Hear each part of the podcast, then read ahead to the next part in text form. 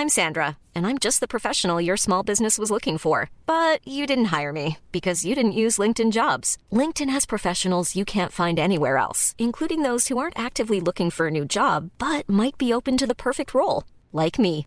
In a given month, over 70% of LinkedIn users don't visit other leading job sites. So if you're not looking on LinkedIn, you'll miss out on great candidates like Sandra. Start hiring professionals like a professional. Post your free job on linkedin.com/people today. Burrow is a furniture company known for timeless design and thoughtful construction and free shipping, and that extends to their outdoor collection. Their outdoor furniture is built to withstand the elements, featuring rust-proof stainless steel hardware, weather-ready teak, and quick-dry foam cushions. For Memorial Day, get 15% off your Burrow purchase at burrow.com slash ACAST and up to 25% off outdoor. That's up to 25% off outdoor furniture at burrow.com slash ACAST. Han dog när han gjorde det han alltid drömt om, att dö.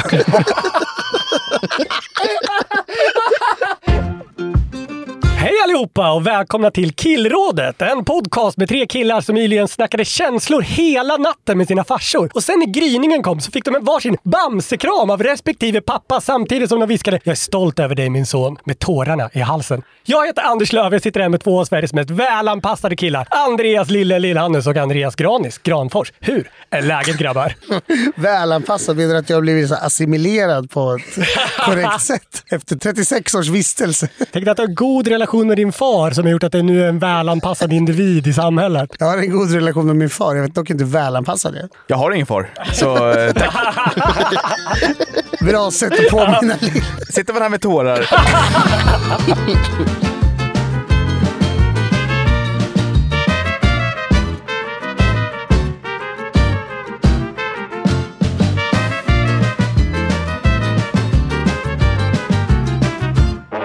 Men det är bra ändå, för du har lite nyheter. Ja, visst eh, har vi det. Det är ju så att vi har blivit med en splitterny Instagram. Vi har ju läckt ut lite grejer på Den som skrattar förlorars Instagram, men nu har vi tänkt att liksom, vi ska göra det här så jävla relevant som möjligt. Så om man gillar podden och gillar det vi gör så är det en god idé att följa oss på Instagram, för där kan man till exempel ställa frågor till oss om man vill ha med i podden. Det kommer även liksom bilder och videos om det vi har snackat om lite grann kan man säga va? Vi gör en liten dump till varje avsnitt så kan man gå ner och få lite relevant liksom, kontext till det vi pratar om. Precis. Där heter vi Killradet underline podcast. Så det är bara att gå rätt in där och följa. Superenkelt användarnamn.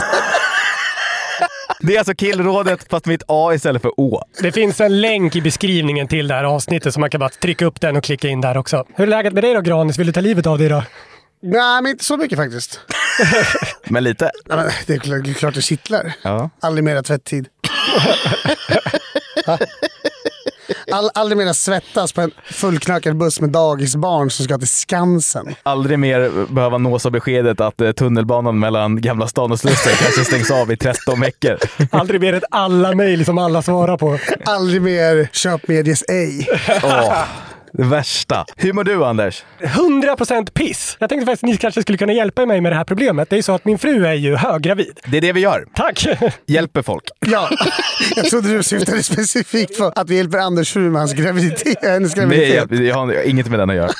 Lyckligtvis. Det är bara tio veckor kvar nu tills eh, den här ungen kommer ut och hon har ju börjat bli lite fokuserad på själva födseln och så. Så nu har, det, nu har vi kommit fram till en ny regel tillsammans här. Att jag bara ska dricka två enheter per kväll. Alltså, du, du ska dricka två enheter per kväll, eller du får max dricka två enheter per kväll. Jag får max, jag, jag vill i situationstecken max dricka två enheter per kväll. Så nu är ju självklart frågan, vilka två enheter är det man ska satsa på? 270 vodka. det känns väl givet. Nu vet de där tantiga så här kärring-memesen. När det är så här, jag ska bara ett glas vin så är det ett jättestort glas Det är vin. badkar med rödvin. exakt. Vad går man för i en sån här situation? Jag hade nog haft svårt att eh, stanna vid bara två enheter. Så jag hade nog, jag vet att det kanske inte är svaret du vill ha, men jag hade nog skitit i det helt. Om jag ska vara helt ärlig. Tanken slog mig att säga ja och sen gör vad jag vill såklart. Men det, det är för taskigt. Ja, men jag menade mer att du kan skita i det som att eh, inte dricka alls. Aha, du menar så. Ja, det hade nog jag också gjort. För det är väl lite som Lillen där att emellanåt har jag upplevt att det är svårt att stå emot sina impulser. Mm. Framförallt när det kommer till dryck och betting. Ja, jag, är, jag är inte så svartvit som person, men när det kommer till alkohol och betting, då är jag väldigt svartvit. Det finns enklare saker att stå emot än öl 3. Ja, verkligen. Men du är ju eh, egentligen helt värdelös att ha som partner om man ska föda barn. Du har ju inget körkort eller sådär. Mm, Inget körkort, jätterädd för blod. Ja. Alltså allt är ju katastrof. Så men varför den här två enhetsgränsen om du ändå inte kan liksom, köra bil när vattnet går? Det kanske inte är optimalt om han dräller in och pukar i förlossningssalen. Och sen somnar på golvet. Nej. Ärligt talat så tror jag mest för att de skulle tycka att det var pinsamt. Slippa skämmas. Du, för du blir mer hispig när du är full än vad du är i vanliga fall. Ja, men kom in, ska börja dra one-liners och liksom hålla på. Ska hjälpa till, sträcker fram en hand där när man ska förlösa. Eh, du kanske har lyssnat på vår podd? Börja pitcha. Nej, men eh, det kanske bara är jag, men jag känner att ofta om jag dricker två öl, då märker jag inte så mycket av det. Däremot, dricker jag två glas vin, då kan jag nästan känna mig alltså, berusad. Så jag hade nog gått på vinet. Min fru pratade ju om eh, två Long Island Ice Tea var nog kommen som ett alternativ. Men är inte det typ så här 15 år? Jo, vadå, så hon har ändå öppnat för att du får eh, liksom hitta ett eh, loophole? Då får du suga i dig nästan en kvarting. Vi gifte oss ju av en anledning. Hon är ju liksom, hon är ju skön. Inte som andra tjejer. Nej, men om du ska utnyttja det, då tycker jag att eh, ta väldigt, väldigt stora eh, enheter. Det finns ju så typ så här en liter stop med bira man kan ta. Ja, det är bra. Nästan alla pubbar har någon sån tysk eh, Weissbier av något slag. Alltså, som kommer de med stora en liter stop. Ja, och då är det ju två liter. Det är ju fyra stor stark. Det räcker ju. Då har man en kväll. Du har en eftermiddag där. Men hon har inte sagt någonting om droger. Eh, det har varit underförstått. Kommer in ketaminad. Ja, men, det är inget avtal om det. Där har du ett loophole. Börja stimma om rymden. Jag tror ändå att universum är ändligt. Alltså, varför finns vi egentligen? Pyramiderna kom inte dit av sig själva, alltså, det kan man inte tro. Förra veckan så frågade vi eh, hur många ekorrar som man skulle kunna döda. Kommer ni ihåg det? Granis, du svarade nio stycken va? Ja. Jag tror att de är ettriga och jag tror att de går för kroppsöppningar. Vad sa jag? 150? Sa du 50 till slut? Eller sa du 150? Jag tror att det var norr om 100. Ja. Jag har faktiskt hört av mig till en djurexpert som heter Bernt Kristensen för att gå till botten med detta. Eh, vill ni höra svaret? ja. Jag vill först veta vilken liksom, typ av djurexpert han är. Det är inte- du har inte träffat honom på krogen bara? Nej, jag googlade upp en person som jobbar på Umeå universitet. Hur ställer du frågan? Hur många ekorrar kan en person ta i en så kallad fight till döden? Var han upprörd? Nej, han var, han var jätteglad. Ja, det är bra. Då kan vi ha någon som liten expert Ja. varje gång vi får in sådana här frågor. Fuck Skansen-Jonas. Ja, ja, verkligen. Bent Kristensen. Jag tror att han är dansk tyvärr. Ja, man kan inte allt. Nej. Så här svarar han. Det är inte den vanligaste frågan jag får. Några förutsättningar måste vi ha. Alla är nakna. En gubbe i rustning gör det omöjligt för ekorrarna. Kampen är på en gräsmatta. Det vill säga man måste döda ekorrarna med bara händerna och inte bara genom att sula dem i ett stengolv. Och det finns heller inget stup i närheten som man kan kasta ekorrarna ifrån. Han är ju mycket bättre på det än vad vi är. Han inser att det måste till en viss mängd variabler för Ja, att det exakt. ska bli en Vi, rättvis vi fight. körde bara. Ja, Det här är en forskare, det här Ja. är en expert. Jag tänkte mer såhär skolgårdsfight, så jag hade nog ändå sett mig att man kunde dunka dem i tegelvägg eller Ja, ja, men marken. nu är det utifrån de här Jag förutsättningarna. tänkte faktiskt också stup.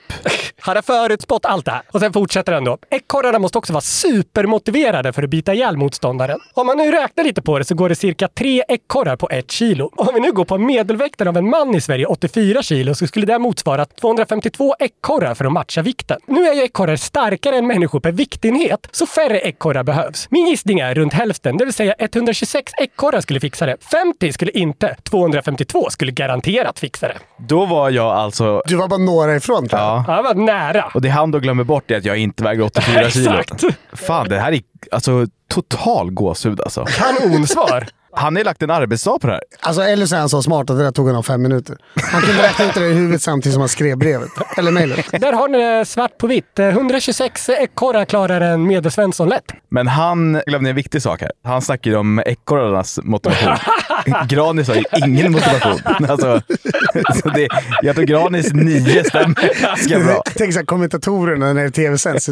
Varför kommer han in med händerna bakbundna? Varför blundar han när han går Han har in? jordnötssmör på halsen. Har ni appen LinkedIn? Men du menar inte om man har LinkedIn, du menar appen? Ja, appen. Appen nedladdad på telefonen håller på att gå Ja, in. och man kan- Nej, exakt. nej, det har jag inte. Nej. Jag har inte okej. LinkedIn överhuvudtaget. Men du har inte det? Nej. Nej. Det är i alla fall ett socialt nätverk för professionella. Det är som Facebook fast man ska vara mycket stolpigare helt enkelt. Och gärna skryta om sina framgångar. Ja, och det är mer i professionellt syfte än eh, sitt eh, privatliv. Va? Exakt, det är mycket jobbsökeri och dylikt. Jag har ju då appen och jag får upp jättekonstiga notiser med förslag på inlägg som folk har skrivit. Och Det är alltid så jävla överdrivet skryt. Och det är ofta helt onödigt skryt om hur duktiga de är på sitt jobb. Men det är på något inte så diskret sätt förklätt i en vardagssituationer som de påstår sig ha varit med om. Och har man en procent kritiska ögon när man läser det så förstår man att det är givetvis 100% ljug. Och på Twitter finns det då ett konto som heter Saker som inte har hänt. Just det. Som liksom kollar ut, ofta på LinkedIn, människor som har dratt till med uppenbara lögner och fått massor med liksom beröm för detta. Och nu tänkte jag läsa upp några av de sjukaste. Det handlar väl nästan alltid om att det är alldeles för unga barn, typ Exakt. två år, Ja. som typ Jättevanligt att folk använder sina barn för att statuera exempel. Antingen för att barnen är så smarta eller för att få dem själva att framstå som smarta. Mamma, varför effektiviserar de inte den här verksamheten? Exakt så kan det vara. Är ni med då? Här kommer ett exempel. Yes. Inlägget inleds så här. Mamma, du glömde semikolon tror jag. Min tioåriga dotter fick en dator av sin morfar i julklapp i år. Hon frågade mig sen, om jag lär mig att programmera, kan jag också få jobba på Sweco när jag blir stor och göra sånt som du gör? Ni gör så coola saker där. Det här är bara ett stycke. Det kommer fyra stycken till. Och då skriver personen så här. Så vi började programmera i Python, eller Python. Jag antar att det är något program som man programmerar i. Ja. Vi har gjort ett väderprogram. Ett program som kollar om du är människa eller bläckfisk och ett program för att kolla om du får åka berg dalbana. Jag skulle lite snabbt skriva en funktion men fick upp error. Snabbt påpekade den här smarta tioåriga tjejen att hennes mamma hade glömt semikolon efter en if-sats som jag antar är något kodspråk. Då. Ja. Och hoj vad stolt jag blev. Både över hur snabbt hon lär sig, men också över att jag som kvinna i teknikbranschen är min dotters främsta förebild. Och bidrar till att hon fattar att teknik är för henne. Och att Sweco är för henne, precis som för alla andra IT-kvinnor tidigt eller sent i sina karriärer. Men vad sinnessjukt! Det är så mycket som är fucked up med det där. Det här, det kan inte hända. Men självklart inte. Alltså det, är, det är lite som alltså, när jag får upp skitlarviga TikToks som typ Ja. så här 15-åriga killar har gjort. Det, den mest gillade kommentaren är alltid så här. man vet att brorsan just nu kämpar för livet i gruppchatten. Precis så är det för den här tjejen. Man vet att hon får många tuffa blickar när hon kommer in på jobbet dagen Ja, efter. verkligen. Det finns väl inte ens en promille till chans att det här skulle ha inträffat. Jag är ändå utbildad journalist. Jag vet inte vad ett semikolon är. Man vet ju vad det är, men jag vet inte hur det används i kodning. Och du vet garanterat inte en tioåring heller, bara för att hon har fått en dator av sin morfar i julklapp. Vad är ett semikolon? Alltså det är ju en uh, är det... punkt och ett kommatecken under. Okej. Nej, däremot vet jag inte hur man i rent grammatiskt ska eller bör använda det. Nej, Det kanske inte vi behöver gå in på. lätt i poddformat att säga. Sen har vi också den här som är också sinnessjuk. Den innehåller dock inget barn, lyckligtvis. När jag klev av vid min tunnelbanestation för att åka hem gick jag mot rulltrappan. En man sprang i full fart ner för rulltrappan, uppenbarligen för att hinna med tunnelbanan. Jag stannade honom genom att ställa mig framför honom i rulltrappan så att han inte kunde passera. Och sen sa jag, varför har du så bråttom? Det finns fler chanser i livet, fler tunnelbanor. Ta inte dig själv på för stort allvar, men ta din tid på allvar som att det vore dina sista minuter i ditt liv. Stanna upp här och andas med mig. Han svarade, tack så mycket för att du stannade mig. Jag har egentligen inte alls bråttom hem. Jag vet inte vad som flög i mig. Vi satte oss ner på perrongen och pratade om livet och hade en trevlig stund tillsammans. Utmaning och uppmaning till mina följare. Stanna upp en främling som springer för att hinna med nästa buss, tunnelbana eller kanske en anställningsintervju och fråga varför de egentligen har så bråttom. Min mamma ligger på dödsbädden. Hon dör när som helst. Jag måste kacka! Nej, men om vi tar det här liksom, Anders som exempel utan körkort, är på puben med sin bästa kompis Krille och får ett samtal från sin fru. Nu har vattnet gått, nu åker jag till SÖS. Anders svarar, jag kommer direkt. Rusar ner i Zinkens eh, tunnelbana och blir stoppad av en jävla snubbe som vill skryta på LinkedIn. Sätter mig ner och tar ett djupt andetag med honom såklart. Har du en bärs? Ja, men det här har väl eh, inte hänt? Givetvis inte. Nej. Om jag ser någon som är superstressad i en rulltrappa, så det sista sista jag skulle göra är väl att ställa mig i vägen för honom. Det är väl ingen som springer runt för att det är kul? Nej, man ska ju någonstans. För det känns som man kan få en smäll. Ja, exakt. Vad fan, en, ännu värre, bli nedputtad för rulltrappan. Är personen som har skrivit det här är ett skämt? Är han ironisk? Nej, det tror jag verkligen inte. Det är det här jag ser på LinkedIn dagligdags. Det är helt sjukt. Ja, det får mig att vilja kaskadspy. Men då säger folk, ja men ta bort appen då. Nej! Det är för roligt. Man vill ju se de här grejerna. Det är som att kolla på en trafikolycka. Hatläsa, exakt. Man vill liksom sucka, kanske ta en skärmdump och skicka till grabbarna. Jag försökte använda LinkedIn som ett annat socialt medie för några år sedan. Försökte lägga upp lite recept och sånt där. Matbibeln. Ja, men det var ingen som reagerade så bra på det. Jag har ju börjat, min, min sambo är ju snudd på så här bajsnödig med LinkedIn. Hon använder det väldigt professionellt och ganska frekvent. Och då brukar jag gå in och kommentera liksom bara så här. Åh, vad tänkvärt. men, men, vad spännande brukar jag skriva. Det är ju otroligt. Och det är jättemånga av hennes kollegor som måste tänka sådär. Alltså hennes pojkvän, han har nog fel alltså. Det är nog vajs. Men inte minst på den här saker som inte har hänt. Är man på internet en del, som ju jag är, så har man nog hört den här. Men det är alltså höjden av sjukt skryt. Alltså det liknar ingenting. Det är väl eh, höjden av sjukt ljug. Det andra som inte hade hänt, som jag läste upp precis, det är bara liksom för otroligt för att vara sant. Men det här vi ska lyssna på nu, det är ren och skär mytomani. Så nu blir det väldigt spännande. Jag tror inte jag vet vad det här är. Kul. Det här är alltså en kvinna som deltar i en podcast och får frågan om hon sålde majblommor som liten. Typ så här, jag har jobbat och varit väldigt driftig sedan ung ålder. Jag sålde liksom majblommor när jag var typ 8-9 år. Eh, och vad fick man för dem? Man sålde en majblomma för typ 25 spänn. Vad kan man ha fått? Två kronor per majblomma typ. Jag sålde alltså så mycket majblommor att han som ägde det i hela Sverige erbjöd mig att ta över det för att han var så gammal. Så han ville att jag skulle ta över hela liksom, företaget. Min, min mamma var så här, du är alldeles för ung. Liksom. Du kan inte vara nio år och typ äga ett majblommebolag. Alltså, det här Men det där är helt jävla världsfrånvänt. Äga ett majblommebolag som att det finns asmånga.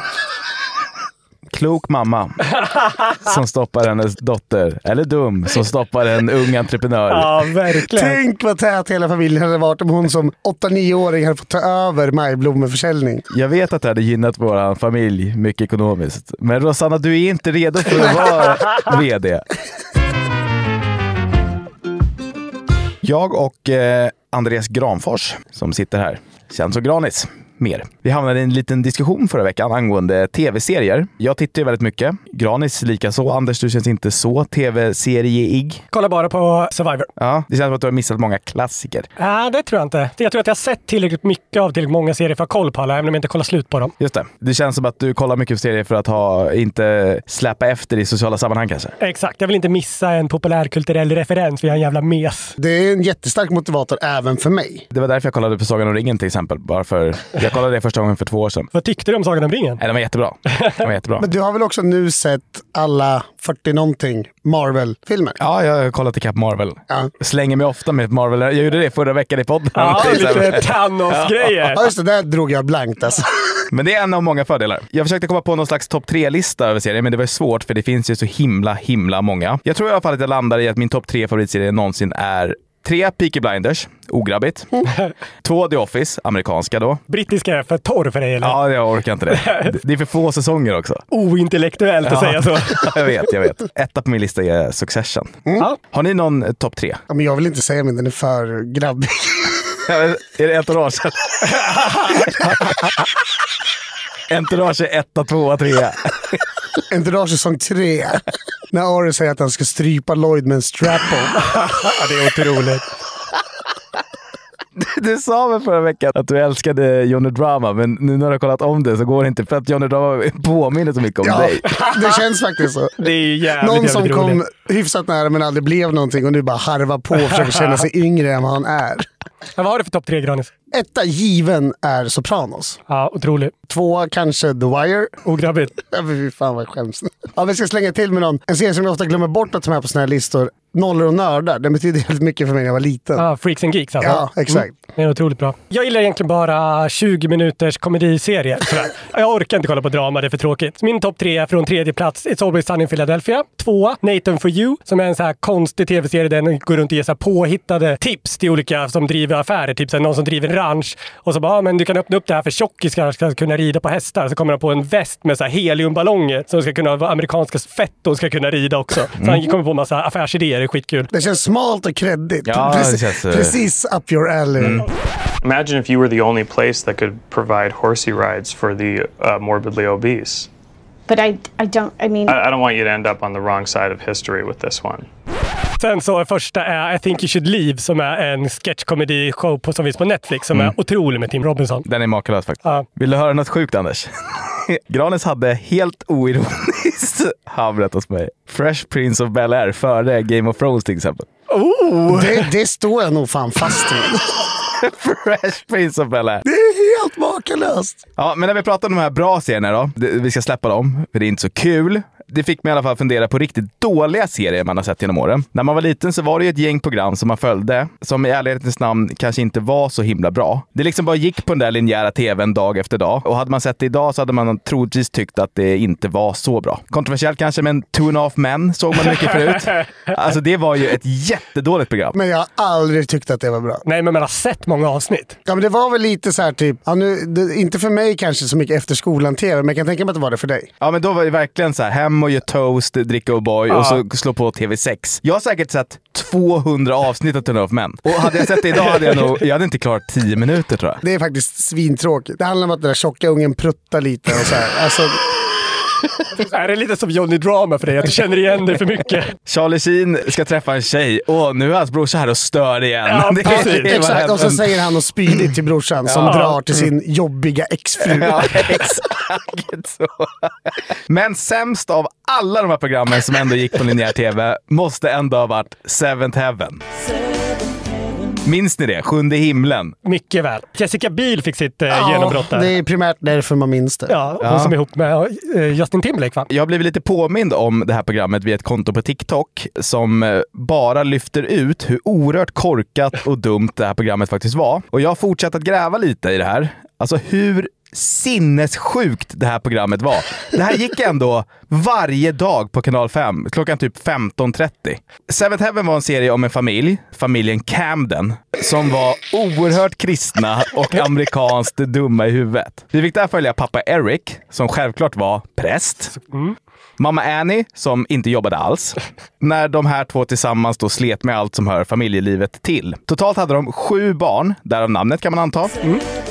Där Matt var den äldsta, näst äldst var Mary, tredje äldst var Lucy, fjärde äldst var Simon. Ruthie var det femte äldsta barnet, men givetvis så får också Eric och Annie, för att göra den lilla familjen komplett, tvillingar. Ah, De har också en hund. Och vad heter den här hunden? jag tror jag kommer ihåg. Kommer du ihåg Granis? Jag googlade nu på serien. Ja. Så att, Ja, är det Lucky? Nej.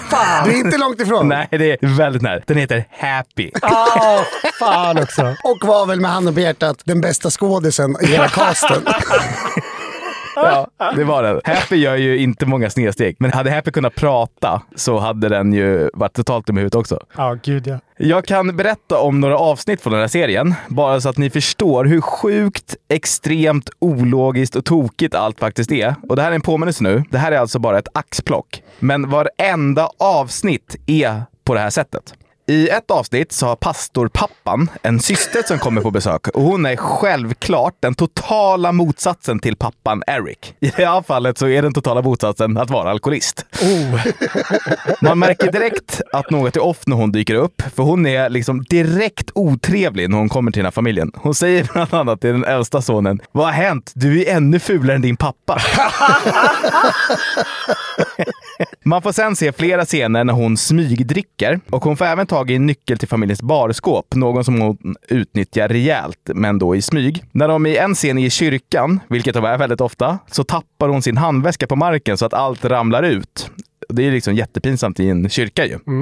Alla bara tittar så här, oj, det där var ju tokigt. Men morsan i familjen, hon är faktiskt den enda som är lite, lite, lite smart. Hon tittar ju på den här alkisen och bara, mm, jag vet nog vad som är på gång här. Men det är inte så att det ramlar ut någon fickplunt eller Nej, någonting? nej, nej. nej. Utan det, det ska bara signalera att hon är full Ah, och okej. klumpig. Liksom. När de är hemma sen så hamnar den här mostern i någon slags skojbråk med Simon, som är den näst äldsta brorsan. Han vägrar ge henne nyckeln till det här barskåpet och till slut så får hon en flipp och bara “Ge mig nyckeln din jävla snorvalp!” och det, Han blir ju helt chockad. De är kristna och liksom, de har ju aldrig bråkat. De svär inte och- Nej. Det blir totalt kaos och när sanningen kommer fram så gör pappan det enda rimliga. Han låser in henne i ett rum och sitter där i flera dagar och bevakar henne och ja, läser Bibeln för henne. Det är kanske det jag skulle satsa på nu. Istället för enheterna.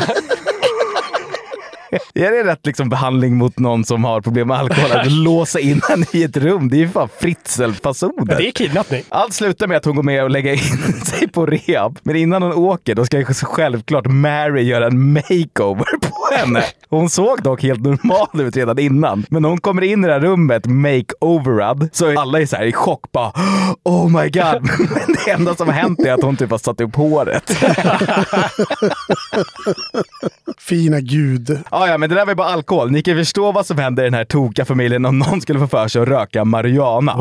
Dödsdrogen. Weed-avsnittet är kanske det mest klassiska. Du minns väl det, Gradis? Ja, herregud. Alltså jag kommer, det har jag sett på kanal 5. Ja. När det, För då var det då att Matt, den äldsta sonen, han får en joint av en polare i skolan. liksom, för det får man ju bara sådär. liksom. Men när han kommer hem och ska klappa hunden så ramlar den här jointen såklart ur bröstfickan.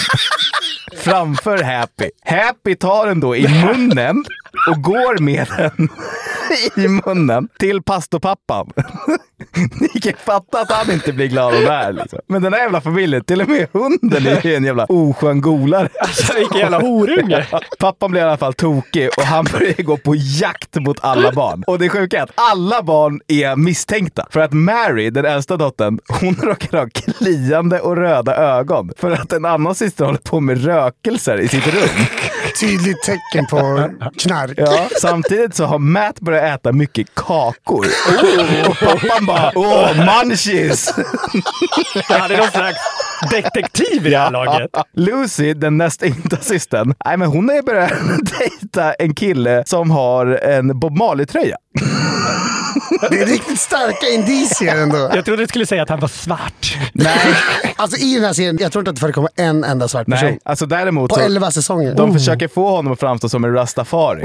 Men han har bara långt hår, en Bob Marley-tröja och en jätteliten moppemustasch. Jag skulle såklart bli tok om min framtida dotter dejtar vit rastafari också, så Ja. det, det förstår ju. Ja. Samtidigt då så släpper mamman en rejäl bomb till sin man. Hon berättar nämligen att hon rökte weed en gång för jättelänge sedan och han tar ju inte det så bra. Han säger då det här oerhört klassiska citatet. How could you drop a bomb on me like that and then serve eight people and a dog a meatloaf? Säg igen. How could you drop a bomb on me like that and then serve eight people and a dog a meatloaf? Hur kan du droppa en sån bomb på, på mig och sen servera sju personer en hund köttfärslimpa? Geni! Jag tror det var så high five i manusrummet när de liksom... Åh, nu sätter han henne på plats. Hon rökte weed för 20 år sedan, då kan inte hon servera köttfärslimpa längre. Hon borde vara tvärbäng fortfarande.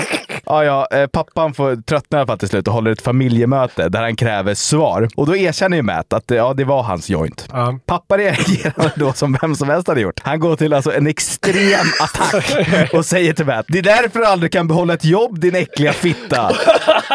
Han säger inte äckliga fitta, men det är andemeningen. Han blir oerhört irriterad och de till slut mer eller mindre slänger ut honom från familjen. Va? Ja, men det gör ingenting för Matt, han ska på fest.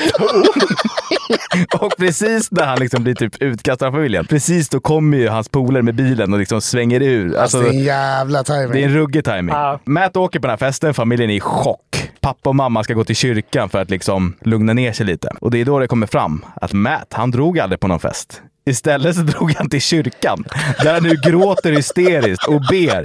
Och han säger till Gud, jag skulle aldrig tagit emot den där jointen. Jag skulle ha gjort vad som helst för att få det ogjort. Oh my god! Och det hör ju såklart föräldrarna. Ännu en gång oerhört bra timing. De kommer in till kyrkan och ser han Ah, jag förstår. gråtandes. De kramas i alla fall och då är allt bra igen. Otroligt! Fan, det är mycket toppar och dalar i den familjen. Det är bra LinkedIn-inlägg sen. Jag kom på min son. Marianne, men så hittade vid kyrkan. Jag sa till honom, nu förstår jag varför du aldrig kan behålla ett jobb. ja, min personliga favorit då. Camden-familjen är på en flygplats. De ska flyga hem efter Thanksgiving. Ruthie, hon är ung här. Jag skulle gissa att hon är kanske 12-13. Är det den yngsta eller vart? Alltså den yngsta singelungen, de andra är tvillingar. Ja, precis. Ja. Hon är upprörd.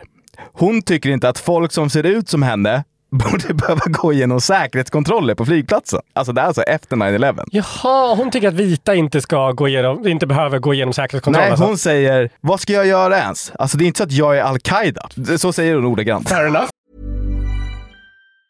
There's never been a faster or easier way to start your weight loss journey than with PlushCare.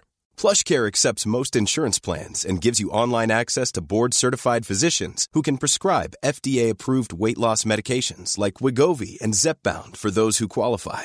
Take charge of your health and speak with a board-certified physician about a weight loss plan that's right for you. Get started today at plushcare.com slash weight loss. That's plushcare.com slash weight loss. plushcare.com slash weight loss. Burrow's furniture is built for the way you live. From ensuring easy assembly and disassembly to honoring highly requested new colors for their award-winning seating, they always have their customers in mind. Their modular seating is made out of durable materials to last and grow with you. And with Burrow, you always get fast, free shipping. Get up to 60% off during Burrow's Memorial Day sale at burrow.com slash ACAST. That's burrow.com slash ACAST. burrow.com slash ACAST. Vi är som vanligt sponsrade av våra vänner borta på Hyper och vi vill inleda med att säga stort grattis till alla som ryggade trippen förra veckan. Det är ju så att vi eh, släpper ett speltips här varje helg och efter några veckor i rad med stolpe ut så blev det förra veckan äntligen vinst igen. City slaktade Wolves planenligt och det var total gåshud på söndagskvällen när Liverpool krossade Tottenham. Även om det går väldigt bra för oss ibland så är det viktigt att poängtera att vi är inga experter. Man ska därför aldrig spela för pengar som man inte har råd att förlora och spelandet ska alltid vara något roligt. Nu siktar vi att gå back-to-back med vinster här och i helgen så tror vi att båda lagen gör mål i matchen mellan Norrköping och Hammarby i Allsvenskan.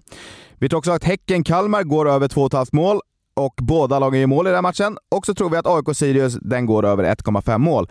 Hyper boostar det här till 4,50 gånger pengarna och i beskrivningen till avsnittet så finns en länk så att du kommer direkt till kupongen. Glöm inte bort att du måste vara 18 år för att spela. Regler och villkor gäller. Upplever du problem med ditt spelande, då finns alltid stödlinjen.se. Vi säger stort tack till Hyper! Ja. Men direkt efter, då kommer Homeland Security och bara “Ni behöver komma med mig” alltså.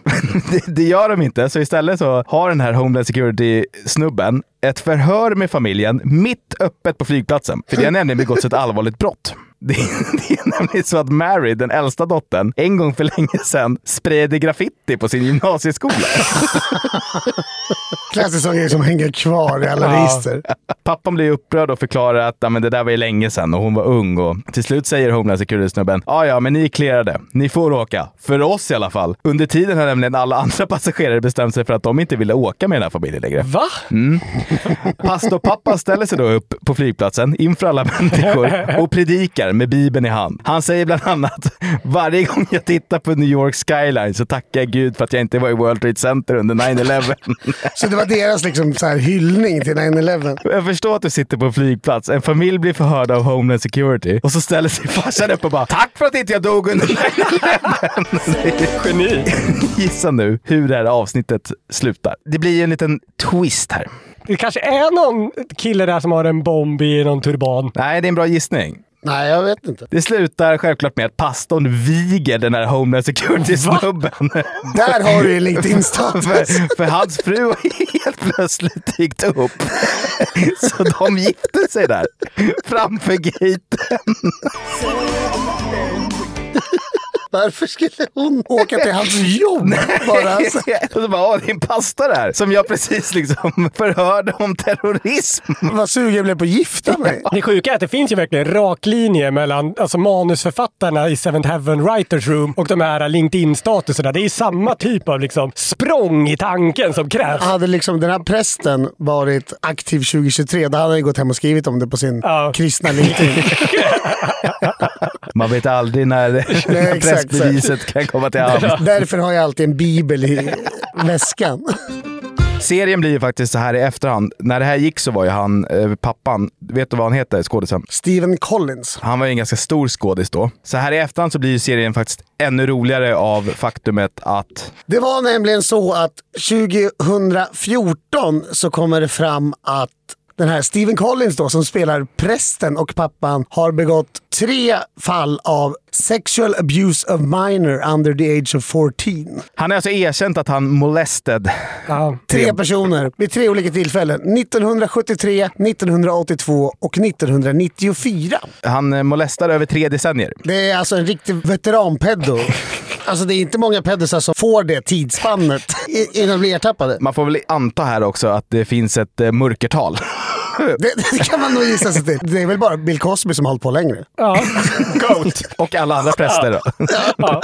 Nej, men det sätter ju serien såklart lite i ett annat ljus. Jag vet inte om roligare är exakt rätt ord, men det blir ju... Det blir något annat. Ja. Det förklarar också varför han alltid samarbetar med polisen. Han är livrädd. Livrädd för att åka dit. Keep your enemies close. Ja. Jag tänkte vi eh, skulle kasta oss tillbaka lite i tiden, närmare bestämt eh, åren mellan 2012 och 2014. På den tiden, Lillen, antar jag att du fortfarande var en äppelkindad, rund liten spjuver i Ösmo. 17 år. Jag tänkte säga sju, men jag tog fel på ett decennium. Granis, jag antar att du bodde i en eh, närförort till Stockholm och precis hade gått igenom din första skilsmässa eftersom du är 47. Nej, inte skilsmässa. Medelålderskris. Nej, men jag bodde i andra hand och jag fakturerade 20 000 i månaden.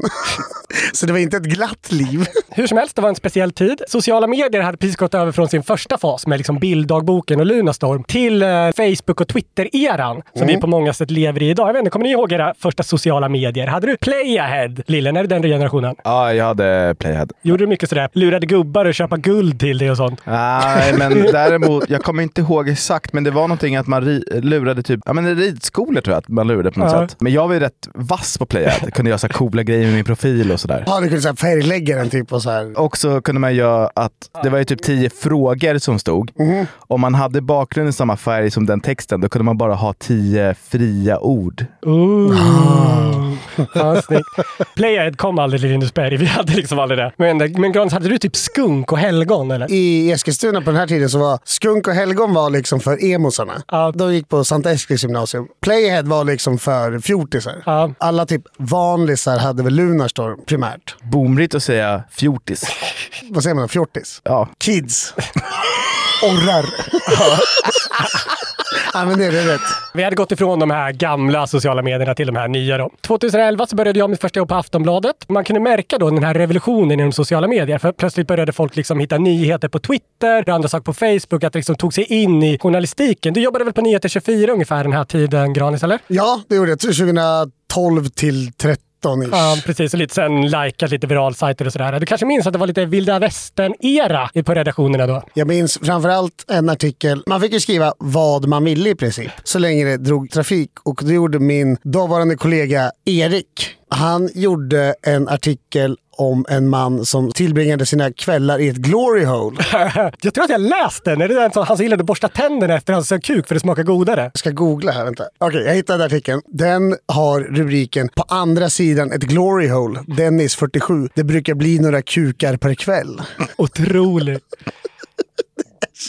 Det är en bra rubrik. Det är så jävla jävla bra. Kommer du också ihåg en påhittad nyhet där det var en dvärg som hade omkommit som råkade vara lik Gordon Ramsay, den gamla stjärnkocken. Och då var det något i stil med porrdvärgen Gordon Ramsay uppäten av grävling. Ja, också otroligt. Under rubbe, han var en liten kille med stora problem. för, det, för, för det var inte klarlagt om han hade sulat ner sig själv i det där grävlingshålet. Ja. Ja, Ja men som ni hör, det gick ju väldigt eh, fort här. Alltså nyheterna skulle ut och de skulle klickas och sådär. Det var många av de äldre journalisterna samtidigt som inte riktigt hängde med och de kanske inte fattade riktigt hur man skulle avgöra vad som var sant eller inte online. Det här var också, kan man säga, då före de här blåa checkmarksen som har gjort det lite enklare att förstå vilka som är riktiga personer och inte. Det här öppnade dörren för vad man idag skulle kalla troll eller folk som liksom kapade kändisars Twitterkonton. Här kanske vi ska ta och göra skillnad på begreppen lite. Då för tiden, kapat Twitterkonto, det var ju någon som bara utgav sig för att vara en kändis. Alltså ett fejkkonto Ja, princip. men precis. Ett fejkkonto. Nu för tiden är det oftast någon som har skrivit en helt sinnessjuk och sen låtsas den blivit hackad. Liksom. Ja, alltså oftast eh,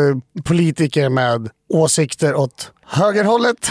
Ja, men hur som helst, det var i alla fall en massa pajasar som skapade en massa konton i kändisars namn med varierande resultat. Piken för det här fenomenet kom runt 2014. Då kunde man var och varannan dag läsa rubriker om kändisar som blivit kapade på Twitter. Det var till exempel rubrik då DN lurades av Zlatans parodikonto. Och då hade då Dagens Nyheter publicerat en tweet som de trodde kom från Zlatan men som kom från ett parodikonto. Och då kanske det stod så här. "Eh, Ronaldo kommer aldrig spela i PSG. Det tillverkas inte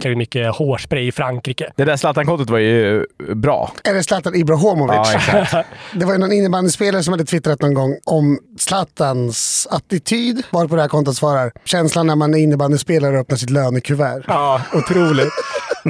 Ja, det är också en annan bra så här. Men fan öppnade dörren till toaletten och såg Kim Källström sitta ner och kissa. Och så rapportera till Erik. Alltså dåvarande landslagstränaren. Det är askul. Ja. En annan rubrik, Lotta Engbergs identitet kapad. Och som man läser den artikeln så är det någon som har hittat på ett konto i Lotta Engbergs namn och twittrat om att man inte behöver använda trosor när man är med i Let's Dance. Sådär kul liksom. En av dem som drabbades kanske allra värst av det här fenomenet var Skansen-Jonas. Och den som först uppmärksammade detta i media var faktiskt den här journalisten som du nämnde tidigare, Granis. Din kompis också, journalisten Erik Karlsson på Nyheter 24. Han stötte på den här tweeten och så hajade han till. Flodhästen och sjöhästen är egentligen nära släkt, men på grund av de olika djupen i sjöar och floder har de fått särpräglade utseenden. Erik Karlsson tyckte att det var skumt att eh, Sveriges kändaste djurexpert hade twittrat det här, så han ringde upp honom och frågade är det du som ligger bakom det här kontot? Nej, det är det inte. För Jonas hade då ett otroligt alibi. Det första är då att eh, det ena är då ett eh, klövdjur och andra en fisk. Vilket är ett rimligt påpekande att det inte är samma. Och det andra säger då kanske Jonas att han aldrig har använt en dator. Vilket inte är helt sjukt år 2012. Det låter som en mild överdrift för att vara diplomatisk. ja, det låter som en överdrift. Jonas verkar i alla fall ta det här med en klackspark och han säger att det är väl okej om den här pajasen håller på så länge som man inte håller på och förespråkar nazism eller någonting. Och allting verkar frid och fröjd och så går det ett par år. Men sen 2014 skriver Expressen en artikel med rubriken “Falsk Jonas Wahlström fick stor Twitterspridning”. Det handlar återigen om ett påhittat djurfakta och den här gången är det väldigt många människor som blivit upprörda. Så här låter det när Alex och Sigge snackar om det i sin podcast. Ja, det är i alla fall eh, kvällstidningarna ständigt material då. Twitter på sommarkvällarna.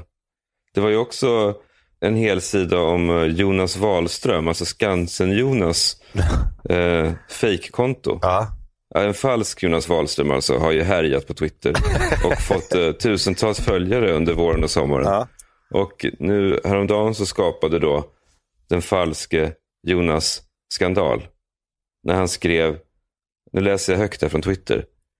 Nu är det officiellt. Från och med igår finns det inga manliga jättepandor kvar i världen. Den sista generationen gråter. En art dör ut. Och då blev det ju kaos. Alltså folk blev ju jätteupprörda över att pandorna var utrotade. Så den spreds ju då tusentals gånger på nätet. Ja, men hur har det här kunnat hända och sådär?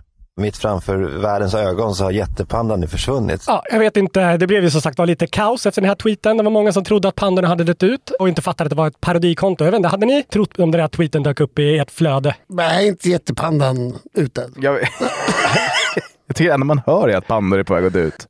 Jag hade trott på den, för jag är ju godtrogen av mig. Och... Kan du inte säga tweeten också? Jo, eh, skärmdumpen som jag tagit som är från Expressen så syns det tydligt att den är retweetad av Lars Ohly, vilket i sig tycker jag är lite anmärkningsvärt. Sen står det, jag kan säga den igen då. Nu är det officiellt. Från och med igår finns det inga manliga jättepandor kvar i världen. En sista generation gråter. En art dör ut. Eh, ja, men det kanske inte är jätte, jättetrovärdigt det där om man liksom har lite internet så här. Så här säger Alex och Sigge. Fortsätter prata lite om det.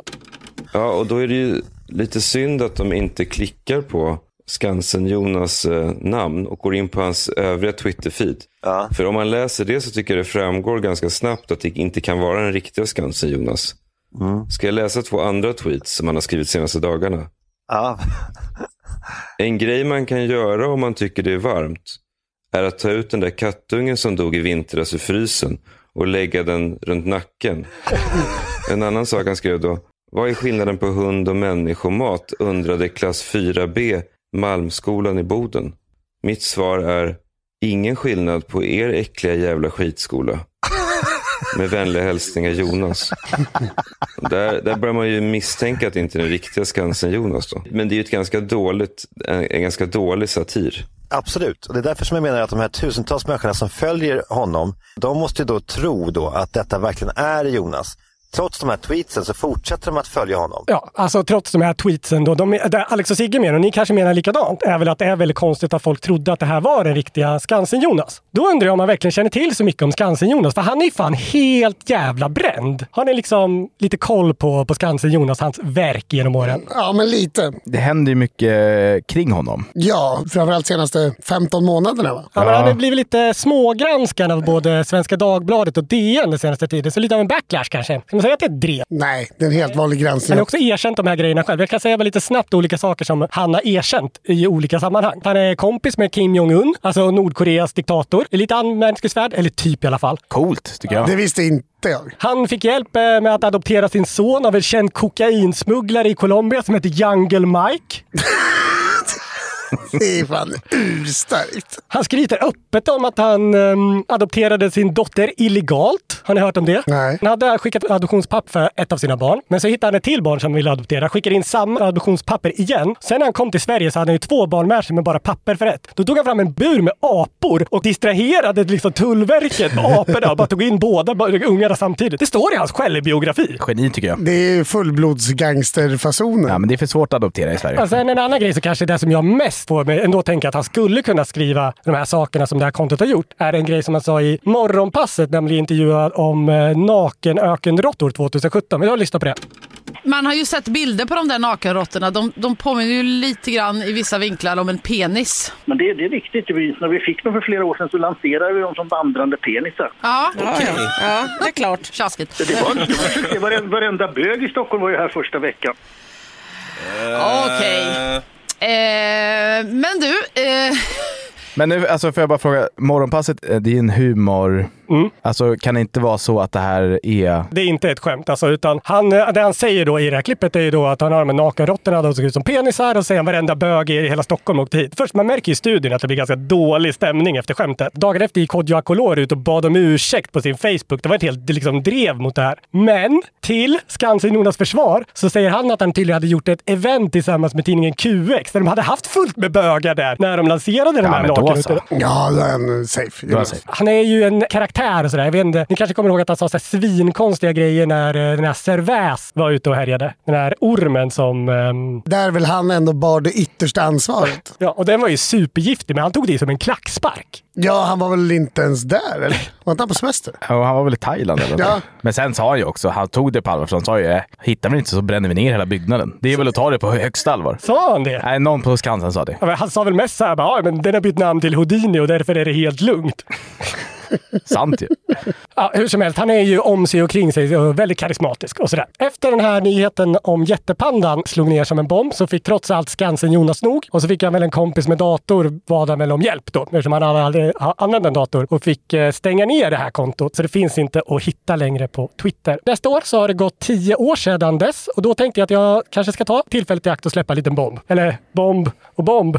Jag tänkte väl erkänna en sak som har tyngt mig helt enkelt. Det var jag som stod bakom det där kontot. Det var jag som twittrade som Skansen-Jonas och håller på att förstöra hans rykte. Jag vill be om ursäkt Jonas! Förlåt som fan!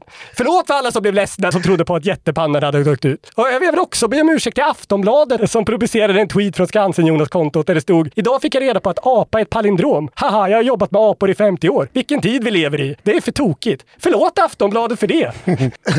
det här, vi, vi, vi som känner det vet ju att du har hållit på med lite sådana småluriga, halvvirala saker. Men det här måste ju vara ditt största Ja, men ögonblick. det var ganska stort. Det var väldigt roligt. Jag var, jag, var, jag var väldigt ledsen kontot stängdes ner, för jag hade nästan tänkt att jag skulle göra en bok av de här påhittade grejerna. Det var mycket så här typ, många vet inte att en älg kan leva i 250 år i otrafikerade områden. Så där. Folk, eh, folk älskade det. Men var det någon som någon gång var nära att komma på dig? Nej, det här är första gången jag avslöjar det. Wow! Du hade ingen kollega eller någonting? Som Nej, absolut inte. Inte ens din kompis Krille? Ja, men jag har sagt det till några fåtala vänner. Jag vill också be om ursäkt till tidningen Journalisten som publicerade en tweet från det här kontot i tron om att det var Skansen-Jonas. Där kan man ju tycka att de kanske hade haft lite bättre källkritik. Det är ändå tidningen Journalisten som är då en branschtidning för journalister. Bakläxa på Helena Hjärta. Ja. Lägg av nu! Det är smalt. De publicerar den här tweeten från Skansen-Jonas då. Enligt Nätinstitutet i Schweiz kommer internets absoluta nollpunkt, alltså när antalet porr och kattbilder är lika många, inträffa år 2014. Inte ett superbra skämt. Nej, det är, det är faktiskt inte Nej, så det är bra ganska skämt. tråkigt. Men det är också lurigt. Varför ska journalisten plocka upp det? Ja, det är ju för dumt. Det är en svag vinkel av dem. Jag vill be om ursäkt till alla, men förlåt för att jag lurades.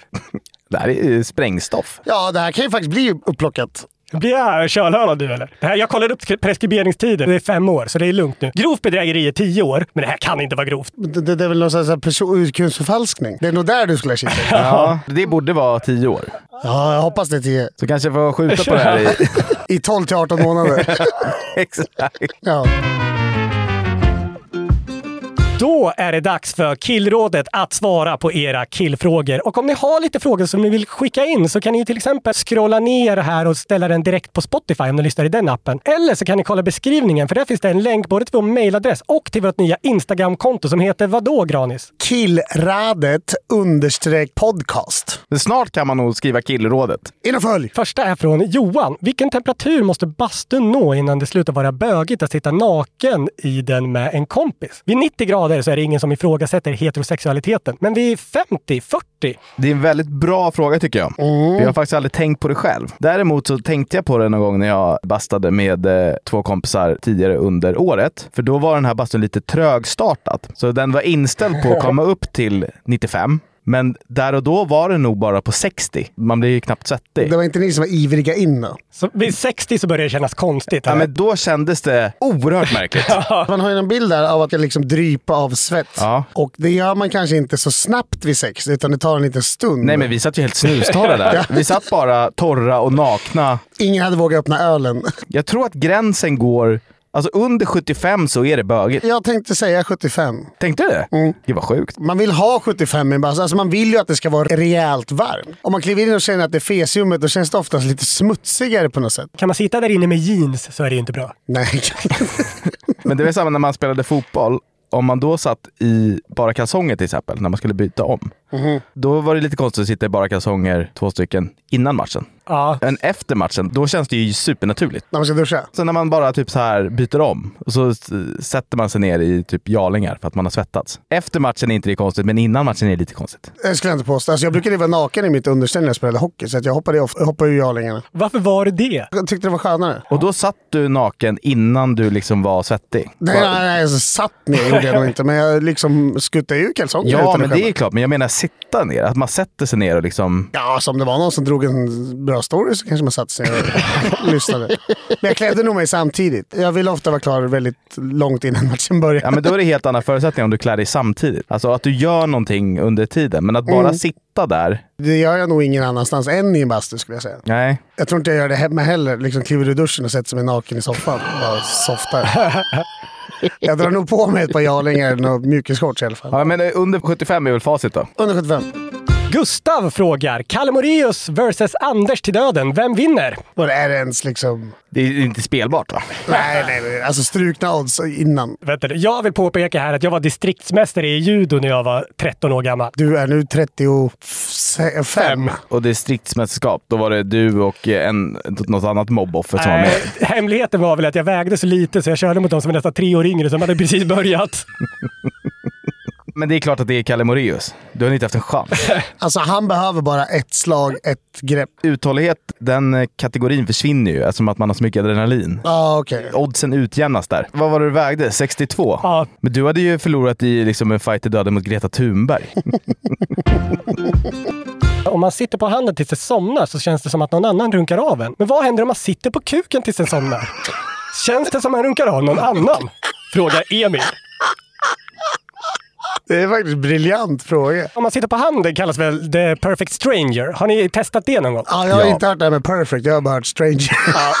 jag har aldrig provat. Men Lillen, du har testat. Funkar Nej, det? men men alltså så här, jag ska vara helt ärlig nu. Det här var ju när jag var extremt ung. Så jag, det var ju länge sedan, så jag kommer inte ihåg liksom detaljerna. Men det jag minns var att det faktiskt funkade ganska bra i en kort stund. Ja, för sen kommer blodet tillbaka. Sen kommer det tillbaka. Och dessutom, alltså alla som har haft en kroppsdel som somnar vet ju att den är ganska svårkoordinerad. Den blir lite ryckig och så här. Man har ingen kontroll Så det var ju inte den skönaste avrunkningen. Men om man någon gång har blivit avrunkad av en tjej så vet man att det sällan är den skönaste avrunkningen heller. Jag har inget att jämföra med. Alltså, sig, jämfört med sig själv så ibland finns det viss diskrepans. Jag menar, en tafflig avrunkning när man gick i gymnasiet, det var ju liksom aldrig värt det. Nej, man, jag fick alltid FOMO. Alltså om det skedde liksom på hemmafester och sådär. Att man ville ut och liksom, lyssna på surret. Du vill ut och supa. Ja, men man hör folk som skrattar i köket så ligger man där på något så här illa tapetserat pojkrum någonstans. Och så bara, nej nu får du reklam med det. Nu, nu går vi ut. Fan jag har slut på cider. Alltså, vad har ni varit på för grisiga fester? Alltså. Du satt bara och lanade hemma. Du gjorde perfect stranger och önskade att du var på fest. Men jag vet inte, har ni någonsin varit med om att kuken somnar? Nej, det kan jag inte säga. Man kanske ska dra en kattstrypare när man kommer hem. Runt och se vad som händer. Lägg ner den här podden. Så kan vi återkomma. Vi får experimentera lite, så återkommer vi. Det borde funka på samma sätt i alla fall. Stopp som blodstopp eller? Mm. Utan att vara en utbildad läkare. Don't try this at home. Welcome to Jackass. This is the reverse stranger. Varför luktar fisen värre i duschen? Frågar Noel. Vadå, är det inte bara att det inte finns liksom jarlingarna? Det finns inget kalsongfilter. Nej, det är klart att det inte är därför. Är det inte därför? Nej, det är klart det inte är. Det är en bra spaning. Jag tror, eller jag är ganska säker på, att det är för att varm luft stiger. Jävla big brain som lille nu alltså. Det är därför om man har ett duschdraperi så stänger man av vattnet. Då kommer duschdraperiet åka in mot kroppen. Mm. Det är för att den varma luften stiger och Skapas ett litet vakuum. Typ. Och det är samma med fisdoften då, att den stiger mycket. Så. den stiger med, med den varma luften. Det är inte för att det inte finns något kalsongfilter. det var någon Wonderbaum innanför jarlingarna som du tycker av på. Pungen.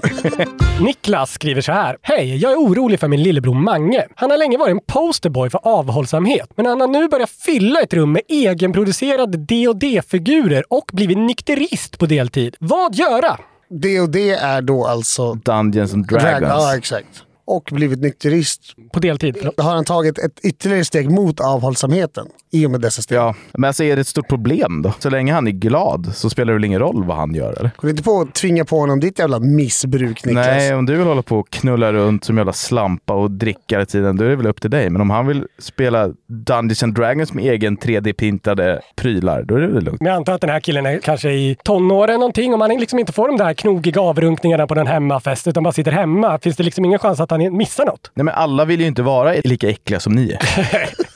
Alltså alla kanske inte vill ha den där äckliga avrunkningen eller den där ciderfesten med Linda eller vad fan alla hette som ni snackade Jessica heter hon. om. Han kanske är svinglad med det där. Låt brorsan Mange vara. Om frågan var så här, jag är lite orolig för att han håller på med Dungeons and Dragons och är delvis nykter och säger att han ska ta självmord. Alltså då hade det varit någonting annat. Men om han inte miss, uttrycker något slags missnöje så är det väl eh, jättekul att han har intressen. Han kanske får eh, själv börja hålla på lite med de där figurerna om man vill ha lite kontakt med sin bror. Absolut. Och sen är det så, jag och Granis dricker ju väldigt mycket men eh, det är ju lite sorgligt egentligen. Alltså det är väl, det är, jag tycker det är beundransvärt om man inte behöver så mycket dricka i sitt liv. Alltså jag önskar inte mitt liv till min värsta fiende. Nu till ett riktigt dilemma. Hade ni hellre sågat av kuken på er själva eller på era tio bästa killkompisar? Frågar Anonym. Granis. Mina kompisar. Alltså utan att blinka. Får de reda på att det är jag som har eh, dömt dem? Att jag hade det här valet. Ja, annars är det knappt ett dilemma. Måste jag stå för själva avlägsning av penis? Nej, det är för farligt. Jag skulle säga att du inte behöver såga själv. Liksom. Nej, utan det sker Ja. kirurgiskt säkert. Man får ju välja såg. Välja en seg såg åt dem också. Det är ju synd om dem. Men det är också väldigt synd om mig. Alltså så här, de hade ju valt tio polare. Hade de det? Jag som har suttit där elva kompisar utan snorre. Om man hade gjort det här valet såg man av det på sig själv också då. Att man tar elva liksom. Man är en riktig Man brorsa. Så man rycker sin egen också. äh, fan, ta min med. Så... Nej, när den håller på. Du, du, du, tvätta inte av den här skalpellen. Jag hoppar upp jag också. Fan, jag tar en släng här. Får jag ljuga om att det är mina tio bästa killkompisar? Visa att det är liksom folk som du halvkänner. Ja. Kollegor. Ja, typ. Jag ligger pyrt till. Ja, exakt. Ja, men så här, alla, alla jag känner som har barn. Står det era tio bästa killkompisar? Ja, men då hade jag valt dem ändå. Ja. Kommer bli ensam på AIK-matcherna framöver. Iklef bryter kontakt. Brorsan Gädda kommer också bryta kontakten rätt snabbt. Ja. Lille sitter och undrar varför Davva aldrig hör av sig. Lägg av! Är du beredd? Arvid har en relevant fråga. Vad tycker Granis hade varit det skönaste sättet att dö på? Om man får måla upp någon typ av scenario så hade det varit på väg hem från en riktigt lyckad fest. Jag har blivit avrunkad Ja, tre gånger. alla man känner har varit med haft en sån jävla sex plus-kväll. Och så är man nöjd, man går hem där, kanske suger på en gammal cigarett och sen så bara åker förbi några på en Voi och klipper. Så, tjong, fyra i huvudet. Men det är ändå ett skott du vill ha. Ja, jag tänker att det går snabbt och blir sprängd. Det är coolt ju. Jag har alltid sagt att om det blir krig, jag tror jag är väldigt dålig att hantera vapen och så. Så då kommer jag ta två handgranater, gå ut i skogen och stoppa en i rumpan och en i munnen och sen bara dra ur sprintarna. Och det tror jag också går ganska snabbt. Alltså Lilla, om du fick välja det bästa sättet för Granis att dö, vad- har du någon tanke? Ja, men jag tror att... Någon sån här tortyr. Såg av kuken. Alltså låta förblöda. Jag vet inte. Sorry, men du har ju lite dö i sömnen-aura. Ja, men det kanske är nice också. Så här, bara duna vidare. Sista sömnapné där du aldrig tar det där djupa andetaget. Min sambo vaknar helt utvilad. Hon förstår direkt att något är fel, för hon har fått en god natts sömn för första gången någonsin. Vänder sig om. Älskling, du snarkar ingen natt. Ha, hallå? Nej, men äh, skjuten eller sprängd. Du, du, Vill du vill att någon åker förbi, förbi dig på en Voi och klipper i Det ska bli någon slags måltavla för DP och shot. Polisen uttalar sig. Det var skönt för det var så här han ville dö. Ingen brottsutredning kommer att inledas. Han dog när han gjorde det han alltid drömt om, att dö.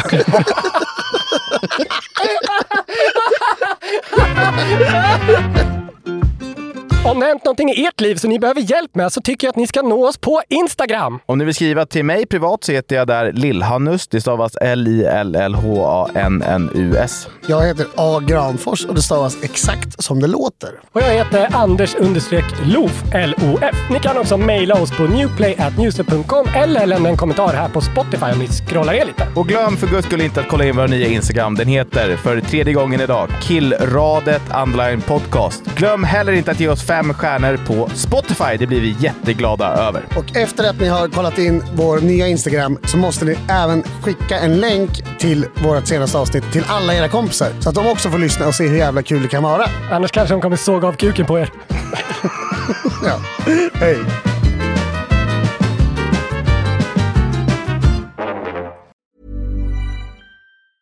Hi, I'm Daniel, founder of Pretty Litter. Did you know cats tend to hide symptoms of sickness and pain? I learned this the hard way after losing my cat, Gingy. So I created Pretty Litter, a health monitoring litter that helps detect early signs of illness by changing colors, saving you money and potentially your cat's life. Pretty Litter is veterinarian developed, and it's the easiest way to keep tabs on your fur baby's health right at home. Go to prettylitter.com and use code ACAST for 20% off your first order and a free cat toy. Terms and conditions apply. See site for details. Hey, it's Paige DeSorbo from Giggly Squad. High quality fashion without the price tag. Say hello to Quince.